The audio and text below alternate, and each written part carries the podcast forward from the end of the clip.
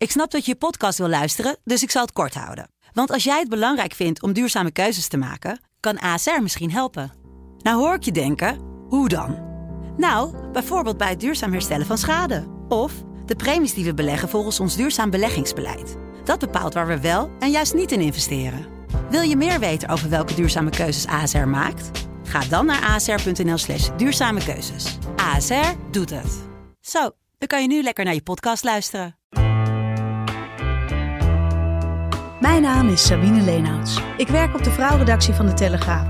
In deze rare coronatijd ga ik op zoek naar inspirerende vrouwen die mij en jou misschien ook wel door de crisis heen kunnen helpen. Voor veel mensen zijn het onzekere financiële tijden. Want waar gaat het heen met onze economie? Ik kan zelf wel wat tips gebruiken om aan het einde van de maand wat geld over te houden. En ik ben notabene in loondienst. Want hoe moet het nou als je de afgelopen maanden je inkomen en in sommige gevallen zelfs al je reserves zag verdampen? Bij mij zit René Lambo, expert op het gebied van sparen, besparen en vermogen opbouwen. Baby, I'm home again. Dit is Zo doet zij het. René, welkom. Dankjewel. Fijn dat je er bent. Fijn dat je er bent, want jij kan mij helpen om uh, uh, te gaan overzien hoe ik nog een beetje geld op de bank houd terwijl inkomens uh, lijken te verdampen. Want daar weet je alles van. Ja, nou ik weet hoe het is en ik weet wat je kan doen. Ja. Ja, ja, want je hebt dat op een vrij harde manier geleerd, toch? Ja, dat klopt. Ja, dat was een crisis geleden, om het ja. zo te noemen. de kredietcrisis. ik kocht net daarvoor, als in een paar maanden voordat het echt helemaal misging, denk een maand of één, twee zelfs maar. Uh, een huis, mijn eerste huis met mijn ja. toenmalige vriend. En uh, ik was daar helemaal blij mee. En eigenlijk, uh, ik was nog aan het inrichten. En toen klapte eigenlijk de hele, hele, economie in elkaar. En daarmee toen ook de woningmarkt. Ja, dit de, was 2009 ongeveer, ja, denk ja. ik. Ja. En op zich was dat nog niet zo'n probleem. Als ik daar gewoon bleef wonen, was natuurlijk niet zo van de hand. Alleen na een paar jaar, ging mijn relatie uit. En die huisprijzen waren toen heel, heel hard gedaald. Zeker waar ik woonde. En ik had ook nog een appartement, was toen niet erg populair. En um, dus het scheelde ongeveer 40.000 euro tussen wat ik gekocht had, wat ik daaraan kwijt was geweest en wat ik uiteindelijk voor gekregen heb nadat het lang te koop had gestaan. Ja. En uh, daar stond ik toen uh, financieel wel alleen voor en ja, dat moest dus afbetaald. Ja. Ja. En, maar dat lukte. Ja, dat, nou, ik zit hier dus. Ja, maar dat lukte ja, dat ook met nog wat geld op de bank. Ja, nou, ik, ik had toen niet zoveel geld op de bank, maar ik ben toen gewoon ja, er ging een knop om bij mij, gewoon omdat ik geen andere keuze had. Mm -hmm. En ik ben heel hard gaan aflossen op die hypotheek toen het huis ook nog niet verkocht was. Dus ik wist gewoon dat als er straks een koper komt, en het heeft drie jaar geduurd, uh, dan wil ik gewoon uh, niet nog met een enorme restschuld opgezadeld zitten. Ja. Dus ik, uh, ik had toen nog, toen nog geen kinderen en ik had een nieuwe vriend en wij verdienden allebei geld. En we zijn gewoon veel zuiniger gaan leven. Ja. En er bleef toen daardoor, door twee inkomens en door um, gewoon minder uitgeven en bewuster uitgeven, bleef er veel geld over. Ja. En dat ging allemaal naar de hypotheek, doordat ze zeiden van nou, je bent er. Oh, wat goed. Ja, ja. ja. En dat heeft je uiteindelijk uh, ook bewogen om daar je werk dan ook van te maken. Want je schrijft boeken en uh, we zien je in Vrij. Bij ons in de krant ja. uh, natuurlijk ook. En je hebt zelfs een keer in Vrouw Glossy, hebben we je ook wel eens geïnterviewd. Dus je begint wel een autoriteit te worden in, in Nederland op het gebied van wat, wat verantwoorden met je geld omgaan. Ja. Ja, vind ik altijd wel een heel saai woord, maar het is wel wat het is natuurlijk. Ja, ja. Maar bewust en verantwoord zijn echt van die woorden waardoor mensen denken, oh gaap. Ja, uh, ja, ja, ja, Maar ja, ik wil gewoon lekker shoppen en dat snap ik ook helemaal. Dus wat wij op porterenee.nl proberen en in alle dingen wat we nog meer doen, um, dat, we proberen het dat leuk te maken. Mensen denken bij besparen of sparen of vermogen opbouwen, is ook al zo'n groot woord. Denken mensen vaak van, oh, het is echt heel saai en uh, saai. laat iemand anders dat maar doen. En inderdaad, mijn leven wordt er minder leuk van. En ons idee is altijd dat je dat kan doen zonder dat je leven minder leuk wordt. En waardoor je leven uiteindelijk ook leuker wordt. Ja. Want je kunt opeens dingen realiseren die, zoals je nu met geld omgaat, misschien niet haalbaar zijn. Nee. Dus Nee. dat is denk ik wat wij anders doen dan, dan andere mensen die over geld schrijven. Of banken of verzekeraars die over geld schrijven. We proberen er een feestje van te maken. En ook mensen te laten zien dat je dat uiteindelijk voor jezelf doet. Voor niemand anders. Mhm. En ehm, nou, zeker in de situatie zoals die nu is. Veel mensen hun inkomen verliezen. Eh, zie je dan ook dat het op zulke momenten heel bepalend is. Of je dat spaarpotje hebt of niet. Ja, jij bent toch wat meer ingewijd in die, in die financiële wereld, neem ik aan. Hoe zie jij de toekomst daarin? Nou, ik ben geen econoom. Maar ik, ik weet eigenlijk net zoveel als jij en andere mensen. Ja, Eh, maar ik, ik, ik denk wel dat het pittig gaat worden, ja. ja, hè? Ja, want we, ik ik denk dat ook heel veel mensen nu denken... oh, het valt allemaal wel mee. We gaan gewoon weer naar de winkels en prima. Maar er zitten, ik heb wel veel ondernemers ook om me heen... waar ik heel veel eh, ja, problemen zie. En, en wel, ik zie ook mensen die daar wel weer uitkomen. Ja. eh, maar wel veel schulden maken die over de lange termijn terugbetaald moeten worden. Maar ik zie ook bedrijven waarvan ik denk, ja, ik, ik zou niet weten hoe je dit eh, gaat redden. Of, of ja, eh, het is natuurlijk een soort van. ehm, er zijn een paar weken geen geld uitgegeven. En dan denken mensen die geen eigen bedrijf hebben, die denken, nou ja, oké, en nu begin je gewoon weer en dan komt het allemaal goed. Mhm. Maar zo simpel is het toch niet. Dus ja ik zie om me heen wel veel financiële problemen, zeker bij ondernemers en bij ZZP'ers ook al. Ja. Eh, maar ik zie ook al veel mensen om mij heen eh, die ontslagen zijn. Ik was van de week eh, op visite bij mijn moeder en die vertelde, ja, één tante ontslagen, twee tante ontslagen, goede vriend van hun, baan kwijt. Ehm, ja, dat gaat toch iets doen. Ja, ja, Ja. zeker. Ja. Als je even terugkijkt naar de periode dat jij zelf op, je, op je uitgaven moest gaan letten. Ik neem aan dat je dat voordat je een plan gaat maken, dat je dat in kaart moet brengen. Mhm. Waar, waar schrok jij toen zelf van? Nou, ik had op zich geen schulden, behalve dus de schuld die ik op mijn huis had. Ja. Maar eh, toen ik me in ging verdiepen, eh, schrok ik er wel van dat eigenlijk alles wat binnenkwam ook altijd weer uitging. Kijk, en dat, dat wist ik natuurlijk wel, want aan het, eind van de aan het eind van de maand staat je rekening gewoon op nul. Maar ik ben toen op een gegeven moment gaan uitrekenen, wat heb ik eigenlijk in mijn leven al verdiend aan salarissen? En ik was Mhm. toen nog best wel jong, Ja. maar ik werkte wel al een paar jaar. En wat heb ik daar nu van over? Nou, niks. Ik had het allemaal uitgegeven. En meer dan dat, want ik had ook nog schulden op het huis. Eh, dat vond ik voor, was voor mij echt een eye-opener. En ehm, nu was ik in de situatie dat ik op zich een prima salaris verdiende. Ik was nog jong, dus het was niet eh, ehm, zoveel als dat je misschien 40 of 45 eh, bent. Maar ik, kon met, maar ik had aan de andere kant ook vaste lasten die behapbaar waren. Ik had geen kinderen, ik had geen kinderopvang. Allemaal dingen die daar later bij komen kijken. Dus ik kon gewoon eh, zonder rekening te hoeven houden met andere mensen in een, bijvoorbeeld een huishouden of een gezin. Kon ik gaan schrappen in ja, waar ik mijn geld aan uitgaf. En voor mij begon dat inderdaad met in kaart brengen waar ik het dan aan uitgaf. Want dat het opging had ik inmiddels ontdekt. Maar waar het dan naartoe ging, ja, ik, ik was ook zo iemand die zei van nou, aan het eind van de maand het is op. Maar wat ik er nou precies mee gedaan heb, ja, dat hoefde je mij niet te vragen. Nee. Dus ik ging gewoon terugbladeren in mijn internetbankieren app, zeg maar. En eh, gewoon uh, ouderwets uh, opschrijven. Dus uh, categorie boodschappen en alle bedragen erachter zetten voor een hele maand. En dan uh, ja, categorieën maken. En ik had ook de categorie impuls aankopen. Die was ook wel vrij Oh, hoog. Ja. maar ook bijvoorbeeld zoiets als boodschappen. Nou, daar ben ik echt toen zo rot van geschrokken. Ja. Hoeveel geld ik daaraan uitgaf. Dus eigenlijk, ik denk dat ik een soort of twaalf categorieën had. Waarvan ik bij, ik denk een stuk of negen wel dacht van... Jeetje, wat belachelijk dat je daar zoveel geld aan uitgeeft. Ja. Ja, en... dus de eerste besparingen waren eigenlijk, eigenlijk heel simpel. Hè? Mm Mhm. -hmm. Dat boodschappenbudget moest naar beneden, onnodige abonnementen en zo. Dat, dat weet iedereen eigenlijk ook wel waar die eerste besparing zit.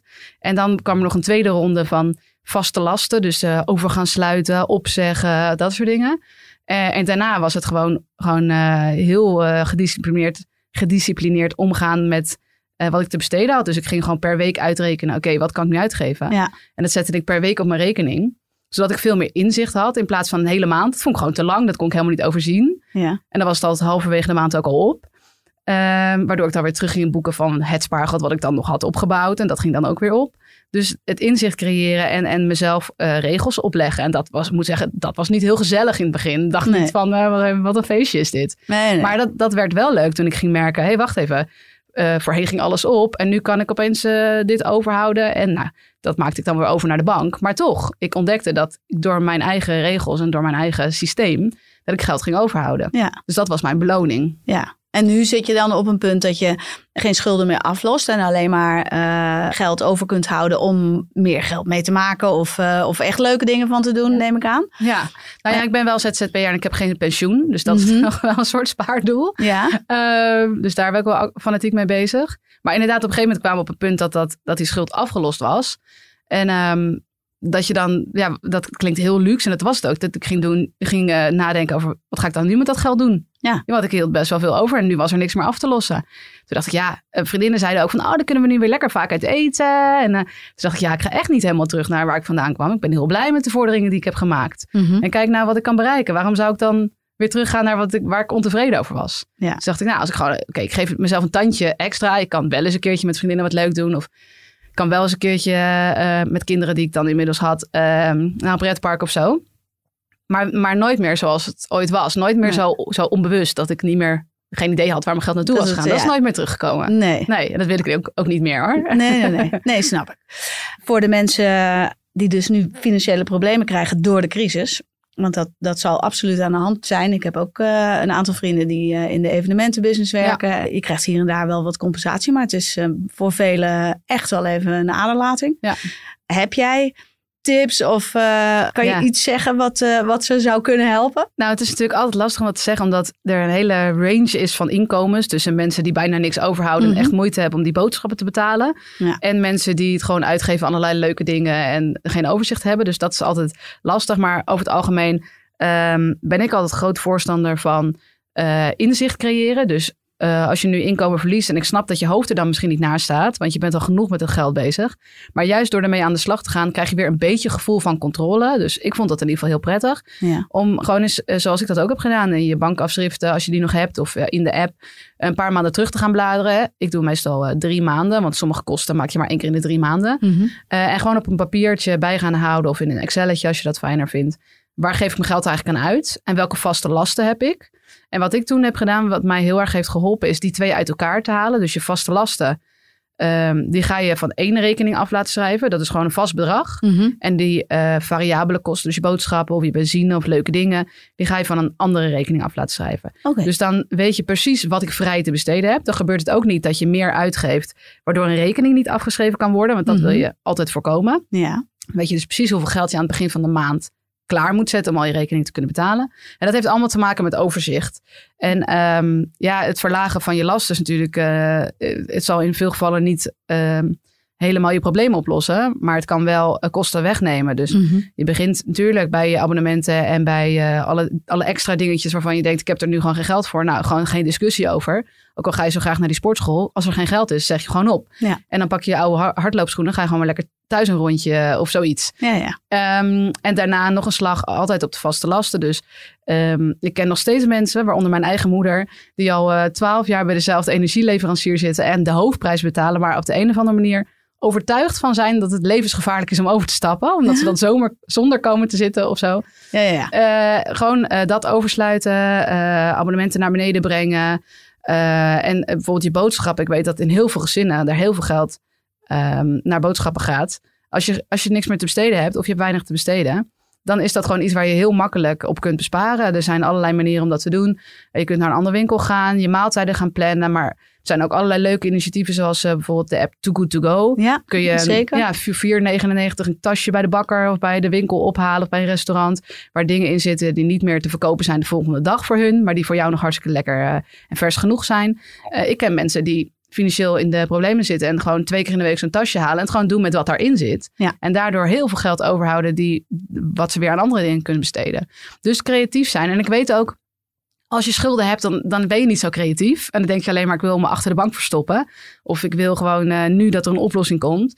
Dat weet ik. Maar uh, door je eigen situatie zo positief mogelijk te maken, doe je in ieder geval wat je kan. Ja. En heb je in ieder geval weer een soort van uh, gevoel van controle, controle over je situatie. Ja. ja. ja, dat lijkt me heel. ja, dat vond ik in ieder geval heel prettig. Dat ik in ieder geval het gevoel dat ik iets kon doen. Ja. ja. Maar dan zou je daar uiteindelijk ook wel weer rijk van kunnen worden. Van zuinig zijn bedoel ja. Als Ja. je een ton op de bank hebt, daar kan je, daar, daar kan je mee speculeren. Of uh, nou ja, wat je er dan. Uh, dat doe jij toch ook? Nou, speculeren. Speculeren mag niet? Ja, beleggen doe ik Beleggen. wel, ja. Ja. En ik spaar en ik los af op mijn woning en zo. Ik ben wel heel bewust. Ik ben 35 jaar. En uh, voor sommige mensen ben ik er vroeg bij, voor sommige mensen, volgens sommige mensen laat. Maar ik ben wel ook bezig met hoe zit ik erbij als ik 65 ben of uh, 75. Um, Ja.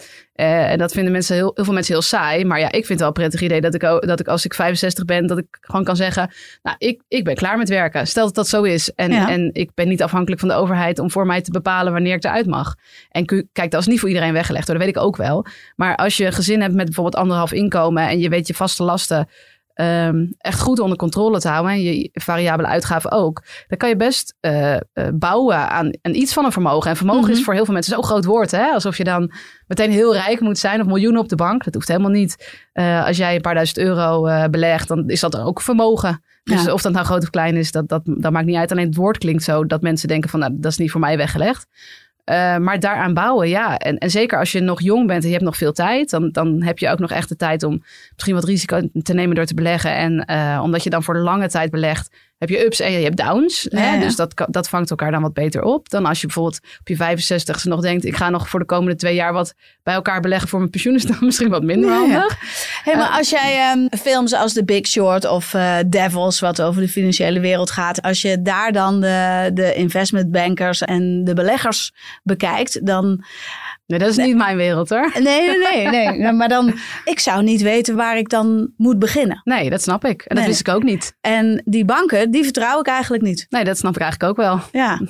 Dus waar ga Ehm, je dan heen? Nou ja, ik ben gewoon ik ben begonnen met eh, gewoon boeken lezen over beleggen. En niet hele, eh, hele zware, heftige boeken, maar gewoon over het principe. Dus bijvoorbeeld, eh, even een tipje, Miljonair met een gewone baan. Dat is een boek van een econoom. Die legt heel goed uit hoe je dus vermogen op kan bouwen. Gewoon zoals jij en ik, met een gewoon goed maar normaal salaris. Ja. Eh, wat doe je dan? Hè? Waar begin je? Mhm.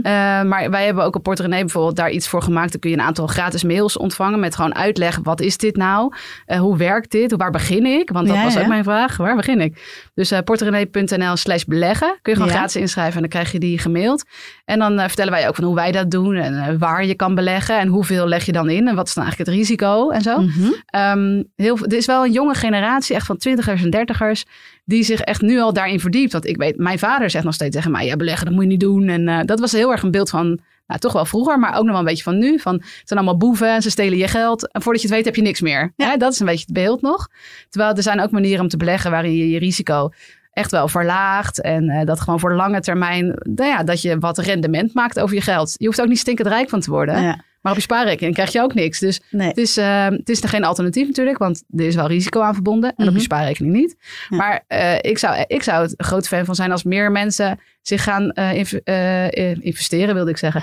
Interesseren in beleggen. Ja. En dan kan je, oh, Janneke Willemsen, eh eh, journalist, financieel journalist, heeft ook een heel leuk boek geschreven. Blondjes beleggen beter. Nou, Ja. daar legt ze het ook super simpel uit.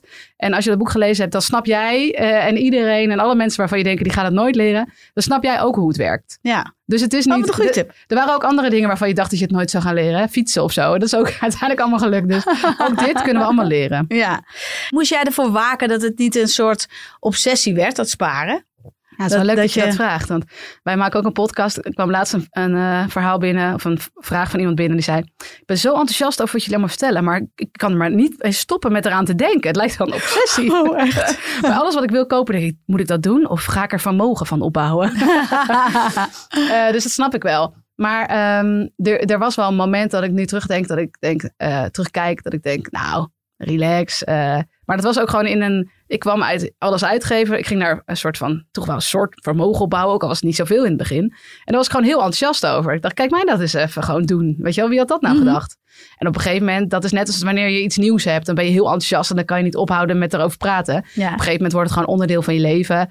En, eh, maar ik kreeg niet net bijvoorbeeld bloemen van jullie. Ja. En toen, het eerste wat ik zei was... ehm, ja, ik, eh, ik zit in een tijdelijk huis, want ik ben aan het verbouwen. Maar ik twijfelde ja, om voor- voor mezelf bloemen te kopen. Want ja, is dat wel leuk in zo'n tijdelijk huis? En nu krijg ik ze van jullie, daar ben ik heel blij mee. Ja. En toen eh, dacht ik, jeetje, ja, ik ik denk daar dus wel heel bewust over na. Van, is het me nu waard om een bos bloemen van eh, 20, 25 euro te kopen? Weet je, heb ik daar heel veel plezier aan als ik hier zit? Of, ja, dat, het gaat allemaal onbewust. Maar Ja. het is toch een afweging die je bij alles maakt. Ja. En dat klinkt misschien heel vermoeiend als je er nog nooit mee bezig bent geweest.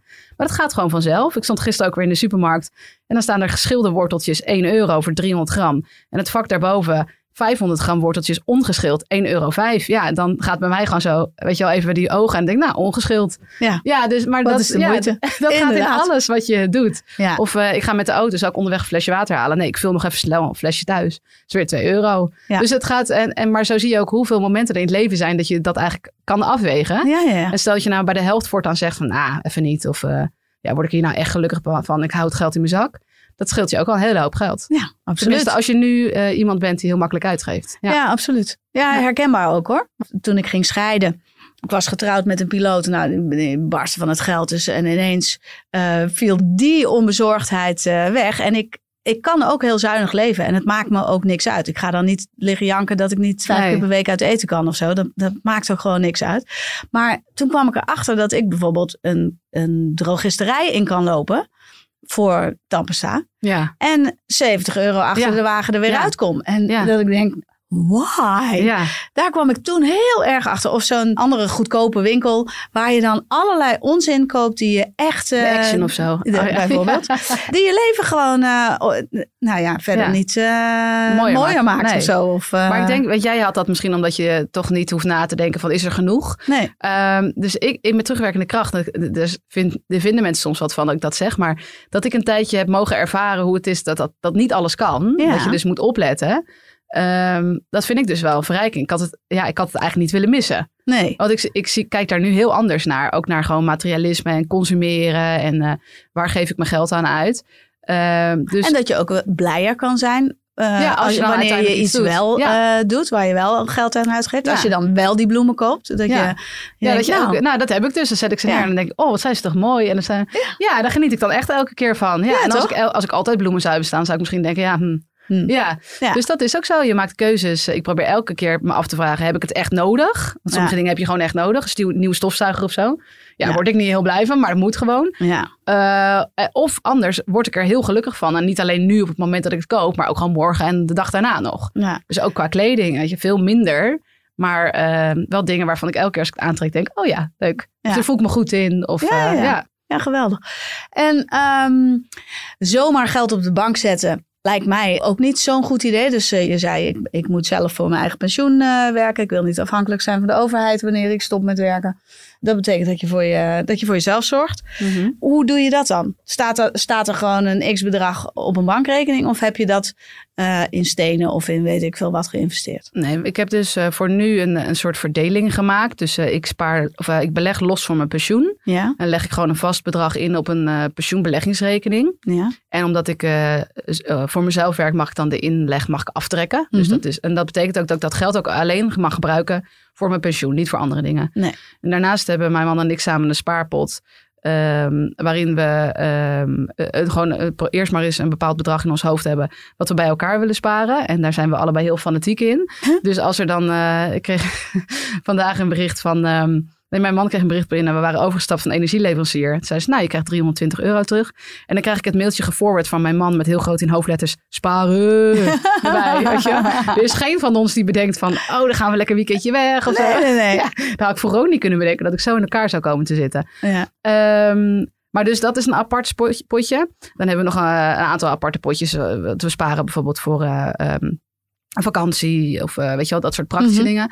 En dan beleggen we gewoon nog eh, ehm, een vast bedrag per maand. Gewoon als zijn er vermogensopbouw. En eh, die, die pensioen, dat is dan een klein bedrag, zo'n paar duizend euro per maand, hoop ik dan tegen die tijd, hè, Mhm. als ik met pensioen ga. En dat andere potje is dus niet aftrekbaar, niet per se voor pensioen. Maar dat is niet geld waarvan we denken, dat gaan we nu iets mee doen. Maar daar bouwen we dus gewoon een beetje vermogen in op. Ja, Ja, oké, duidelijk. Want hoe oud zijn jouw kinderen nu? drie en zes. Oh, drie en zes. Ja. Eh, hebben zij een bepaalde zuinigheid eh, eh, Nou. of, of, of geldbewustzijn van jou wel meegekregen? Ik had het vanochtend nog in de auto over wat je later wilde worden. Ja. En toen had mijn eh, oudste zoon van zes bedacht dat hij een speelgoedwinkel worden wilde Oh, ja, ja. hebben later. Ja. Want dan, dat vond hij en zelf leuk. Dan kon hij een beetje zijn eigen werktijden bepalen toch nog wel. En dan was alles wat hij verdiende voor hem. Aha. Dus hij Ja. denkt er wel over na. Ja. Maar hij krijgt ook wel zakgeld. Hij heeft hij een potje. En dan wil hij af en toe wel geld tellen. Kijken hoeveel hij heeft. En dan staan we wel in de winkel. En dan zegt hij soms, ja, ik wil het. Ik wil nu dat kopen. Ja. Ik zeg, nou, dan heb je nu van de 7,5 euro die je in je potje hebt, heb je dan nog 50 cent over. En dan zie je hem wel zo kijken van, oei, oei, dat is wel een flinke aanslag op mijn eh, vermogen. Ja. Eh, dus dan zegt hij nog wel eens van, eh, nou, ik denk er nog even over na. Of wij zijn dan lid van de spelotheek. Bij Mhm, ons mhm. dorpje verderop. Kun je de speelgoed lenen, net zoals je doet bij een bibliotheek. ja. En dan zegt hij, ja, ik ga eerst wel even kijken of ze het bij de spelotheek hebben. Zegt hij dan bijvoorbeeld. En dan kan ik van dat geld iets anders kopen wat ze daar niet hebben. Dus hij is wel... eh, Oh, wat goed. ja, hij is er wel mee bezig. In ieder geval snapt hij heel goed dat je het maar één keer kan uitgeven. Ja. Ja. Ja. ja, dat is helaas ook bij mensen die wat minder te besteden hebben. Soms niet, daar zijn ze niet geheel van doordrongen. Of ze denken, nou ja, dan koop ik het op afbetaling. Ook niet altijd het beste idee. Nou, het is wel eh, de laatste jaren zeker. ehm, is het kopen op afbetaling en het gebruik van Afterpay. Hè? Ik weet niet Mhm, of jullie dat mhm. wel eens gebruiken. Maar Nee. eh, als je iets bestelt en dan, het is zo makkelijk. Hè? Ehm, Afterpay, je klikt het aan, je hoeft helemaal niks in te vullen. Je gegevens hebben ze al. En dan moet je achteraf nog betalen. Nou, ik, ik heb dat vroeger ook wel gedaan. En daar was ik altijd zo zuur van. Mhm. Ik dacht van, ik heb deze telefoon nog. eh, al, hij voelt eigenlijk niet eens meer echt als nieuw. Of Nee. dit kledingstuk. Nee. En nu krijg ik de rekening nog. Ehm, dus het wordt ons ook wel heel makkelijk gemaakt. Ja. En dan weet ik dat sommige mensen dat ook uit gemak doen. En dat je dan ook wel echt schulden kan gaan opbouwen. Ik weet Mhm. ook dat er mensen zijn die dat uit pure noodzaak doen. Mijn, ehm, bij mij thuis vroeger was het ook, waren er rijke tijden en arme tijden, zeg ik altijd maar. Mijn vader was ook ondernemer. Ja. En ik weet nog wel dat mijn moeder dan aan het eind van de maand ehm, had ze, eh, kreeg ze van mijn vader kreeg ze boodschappengeld, of hoe noemde je dat? Huishoudgeld. Mhm. En aan het einde van de maand betaalde ze altijd met een cheque. En toen vroeg ik haar van waarom betaal je dan één keer in de maand dan met een cheque? Ja, tegen de tijd dat ze die dan eh, innen, dan staat er weer geld op mijn er rekening. geld. Ja, dus er, zo ontstaan ook gewoontes, hè? Ja. Waardoor je eigenlijk, als, als het dan misgaat op zo'n moment als dit... en er staat een keer geen geld op je rekening met, met die cheque die je al uitgegeven hebt. Nou ja, nu is dat iets anders natuurlijk in deze tijd. Maar dat kan wel het begin van het probleem zijn. Ja. Of de, die, die eh, aankoop bij Weekamp eh, die je op afbetaling hebt gedaan. Ja. Eh, en waar dan opeens heel veel rente over komt. En dat kan, dan kan zo'n klein probleempje best wel een groot probleem worden. Waardoor je financieel in de knel komt te zitten. ja, zeker. Dus Zeker. ja, het is, het is verleidelijk, maar ook gevaarlijk. Ja, de toekomst is wat onzeker. En er zullen mensen die nu wellicht nog, zoals ik, het geluk hebben in loondiensten zijn. Maar ik weet ook niet wat de toekomst brengt Nee. en wat print gaat doen. En wat eh, adverteerders houden ook eh, de hand op de knip. En ik weet niet hoe het eruit gaat zien. Nee.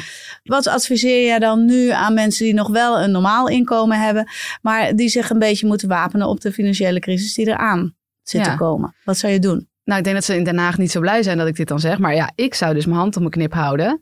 En proberen nog iets van een buffertje op te bouwen. Toch wel? Ja, en eh, de gevolgen van eh, corona zijn echt niet voor iedereen direct eh, zichtbaar. Kijk, als je in de horeca werkt of entertainment, gaat het natuurlijk heel hard. Mhm. Maar er zijn ook echt wel bedrijven die nog wat langer door kunnen. En je weet niet wat er gaat gebeuren. Misschien komt er nog een tweede lockdown, misschien ook niet. Ehm, en maar de steunmaatregelen worden, zullen afgebouwd worden. Eh, het kan ook dat, je over, dat het best nog even duurt voordat je dit gaat voelen. Mhm. En we hopen natuurlijk allemaal dat je het niet gaat voelen, maar het kan wel. Ja. Eh, ja, ik zou in zo'n situatie, en dat, dat hebben mijn man en ik ook wel gedaan het laatste jaar. Dus proberen toch iets van een buffertje op te bouwen. Eh, kijk, elke euro die je nu wegzet is een euro waar je straks je rekeningen van kan betalen.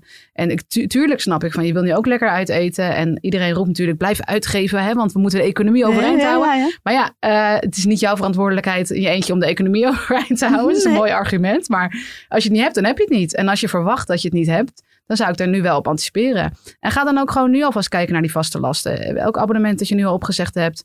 Of elke verzekering, die onnodige verzekering. Of wat je allemaal hebt lopen. Ja, daar heb ik op je website ook het een en ander over gelezen. Dat, eh, ehm, dat er heel veel mensen zijn met, eh, met ook dubbele verzekeringen. En eh, dat je dat best wel eens een keer goed onder de, onder de loep kunt nemen. Ja, en ook mensen die bijvoorbeeld dan een autoverzekering hebben met wegen. weet je wel, eh, hoe zeg je dat?